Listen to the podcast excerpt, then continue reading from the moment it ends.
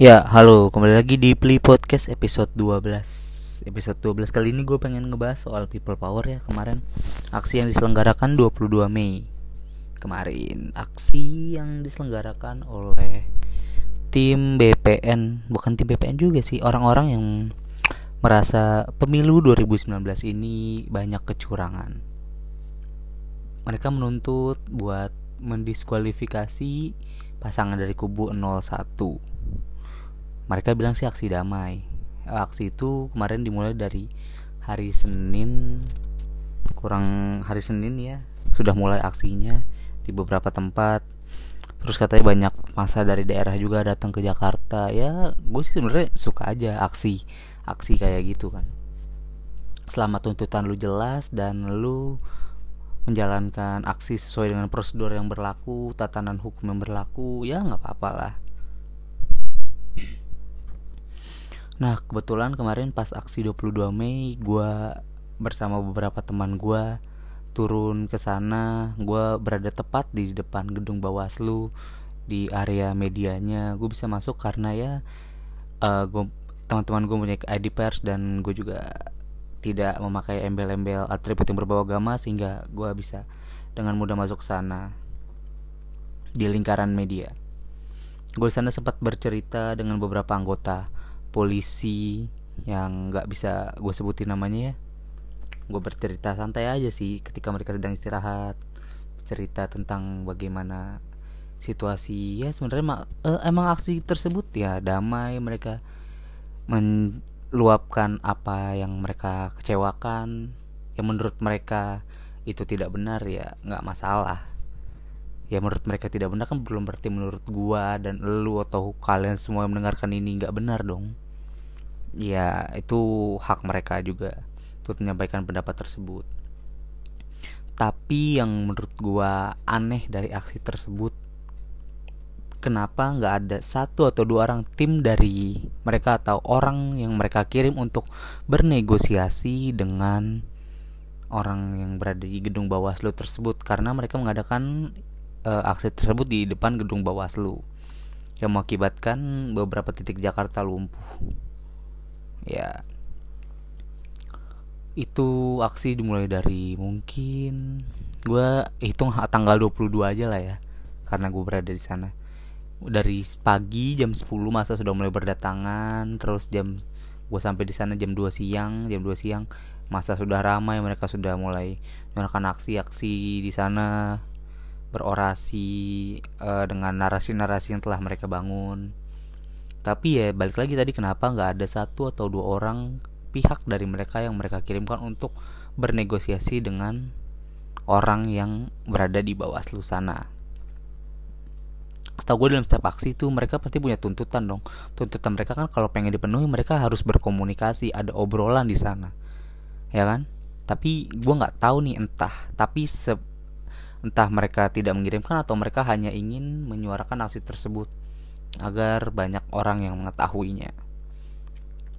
Tapi se obrolan gue dengan polisi yang ada di sana pada malam hari ya mereka bilang nggak ada satu apa nggak ada tim yang dikirim buat bernegosiasi dengan orang yang berada di Bawaslu.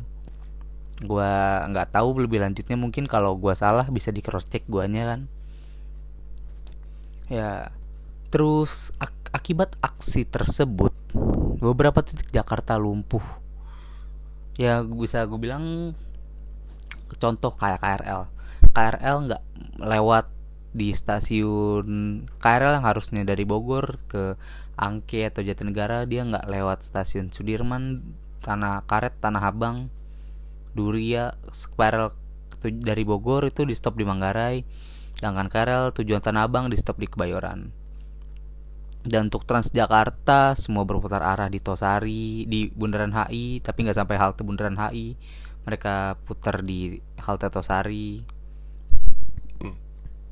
Terus MRT juga sudah tutup stasiun Bundaran HI mungkin kalau stasiun Duku Atas itu baru tutup malam.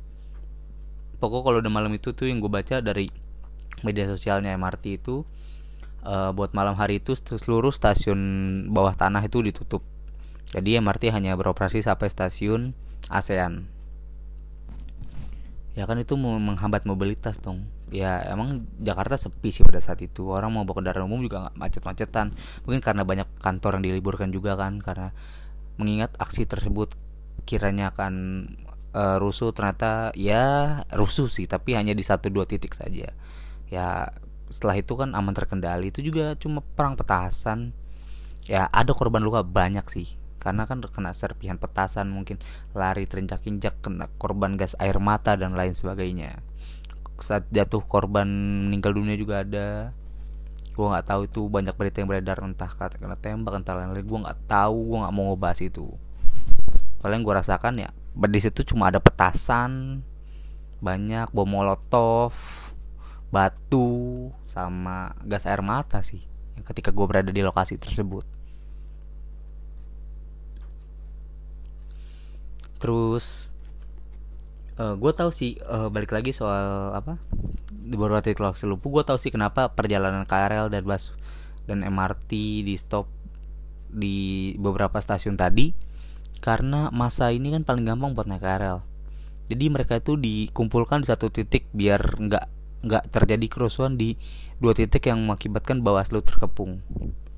Kayak uh, polisi dan TNI sudah mulai berjaga dari bundaran HI itu itu nggak ada orang yang bisa masuk lah. Mungkin hanya satu atau dua orang ke masa aksi setahu gue nggak boleh masuk ke situ. Masa aksi harus lewat dari sisi sebelah utaranya Bawaslu kalau nggak salah. Sisi sebelah Bawaslu selatan Bawaslu itu steril. Ya mungkin awak media para pekerja kantor dan beberapa orang saja yang bisa lewat sana.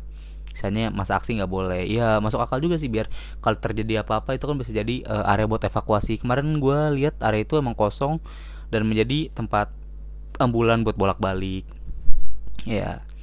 Dan karena aksi tersebut juga mengakibatkan beberapa daerah gue nggak tahu sih mungkin kalau buat Jabodetabek ya uh, in, beberapa sosial media di take down atau dinonaktifkan ya di WhatsApp, Instagram, Facebook gitu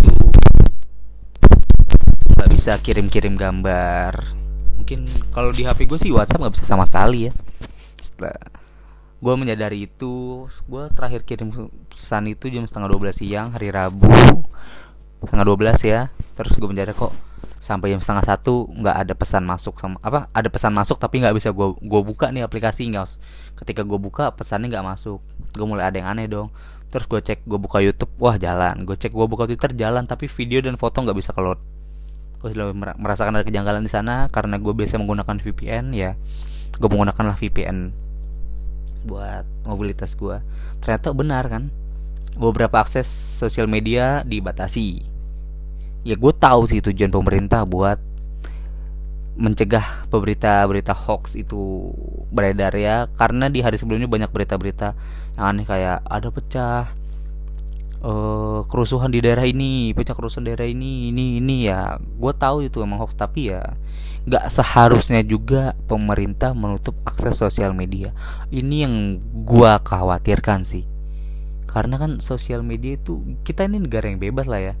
Ya semenjak 98 itu kan mungkin gua gua nggak tahu ya yang gua denger cerita dari teman-teman gua dan beberapa orang dan beberapa situs atau media yang gue baca 98 itu media dibungkam dan lain-lain. Ya itu. Terus setelah 98 99 kita diberikan kebebasan semuanya. Kita menunjukkan warna kita masing-masing jati diri kita masing-masing.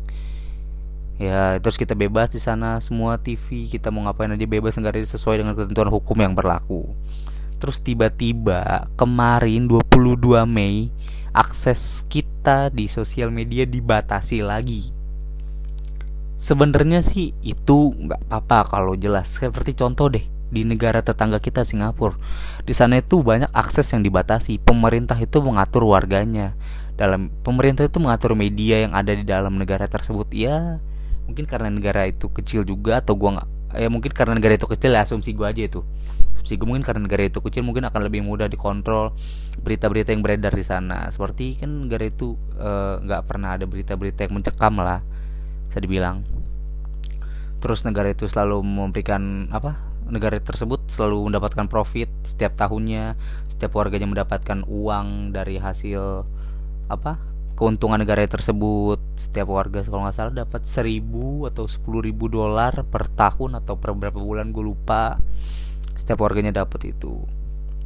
Tapi medianya dikontrol semua sama perdana menteri atau pemerintahannya atau presiden apalah di Singapura itu nah negara kita kan negara yang bebas. Ini tahu-tahu kemarin akses kita buat ke sosial media itu diblokir. Gue takut sih jujur gue takut. Gak seharusnya itu diblokir menurut gue karena untuk mengatasi berita hoax ya bener sih. Tapi ya nggak nggak gimana ya? Kita yang ter, gua gua yang terbiasa menggunakan sosial media. Terus tiba-tiba down waduh agak gimana ya aktivitas gua ada yang terhambat lah. Oke okay lah gue bisa menggunakan tapi kan orang-orang gue hubungin kan nggak bisa. Nggak semuanya tahu akan keberadaan VPN tersebut dan lain sebagainya kan. Gue merasakan mulai tanda-tanda apa ya? Uh, jujur gue kemarin pas pemilu gue milih Jokowi. Tapi bukan berarti gue setuju dengan semua kebijakannya Jokowi. Seperti minggu kemarin gue nggak bahas soal tiket pesawat ya Menteri Jokowi Menteri Perhubungan yang dipilih oleh Bapak Jokowi kemarin menurut gue kurang paham bagaimana membuat regulasi soal harga tiket pesawat dan lain sebagainya. Terus sekarang lagi menteri dari Bapak Jokowi lagi yang itu Pak Wiranto membatasi akses kita dalam bersosial media. Gue nggak tahu kenapa ini bisa terjadi. Gue nggak tahu apa yang dipikirkan pemerintah, tapi gue nggak pengen ini terjadi lagi. Karena kalau ini udah terjadi sekali, bukan berarti di berikut di tahun-tahun berikutnya atau di kejadian-kejadian berikutnya ini akan terjadi lagi ya ingat ini nggak mungkin ter akan terjadi sekali kecuali ada peraturan yang dibuat mengenai internet ini sosial media dan lain sebagainya UU ITE harus direvisi menurut gue ya. buat ini gini biar penyebaran berita hoax dan lain sebagainya bukan UU ITE itu bukan untuk men apa menghukum orang yang beropini, menghukum orang yang tidak sesuai dengan jalan politiknya dan sebagainya. Menurutku UITE bukan buat itu. Tujuannya UITE ini buat mengatur ya contoh-contoh seperti inilah. Uh, gue nggak mau cerita banyak lah soal 22 Mei kemarin ya aksinya kemarin menurut gue lumayan damai setelah sampai waktu azan maghrib ketika azan maghrib gue pas mau makan itu pecah Bentrokan pertama antara masa dengan polisi, masa mulai menembaki petasan ke arah polisi, melempari batu, bom molotov dan lain sebagainya. Namun polisi berhasil, berhasil memukul mundur kembali masa dan beruntungnya koordinator di sana juga bisa menenangkan kembali masa-masa yang ada di sana. Uh, selama gue di sana itu gue sampai dari jam 6 sampai jam setengah 9 itu ada kali um, 3, 4 atau 5 kali pecah bentrokan di sana. Polisi menembakkan gas air mata. Bahkan kalau nggak salah ada satu satu atau dua momen di mana sesama masa aksi tersebut saling menembak kembang api satu sama lain. Gue nggak tahu permasalahannya apa. Gue nggak tahu ada provokator di sana atau gimana. Tapi ya beruntunglah kemarin hari Kamis tidak terjadi kejadian yang serupa dan hari ini hari Jumat ketika gue tapping ini tidak terjadi kejadian serupa. Gue bersyukur banget telah selesai semuanya. Ya semoga kejadian kayak gini nggak terulang lagi. Para politikus-politikus di atas sana mereka hanya akan membakar semangat kalian saja. Buat kalian yang kemarin turun aksi ke jalan ketika kalian sudah turun mereka bodoh amat mereka cuci tangan. Kalian rusuh-rusuh itu bukan urusan saya kata salah satu politisi yang sempat menggebar-geborkan aksi tersebut. Udahlah ya beli podcast episode 12 gue nggak pengen berat-berat banget sih tapi lumayan berat lah ya. Udahlah sekian dari gue Rafli pamit. Sampai jumpa di Play Podcast episode episode berikutnya. Dadah sambil diskusi Untukmu yang biasa bersafari di sana. Di gedung DPR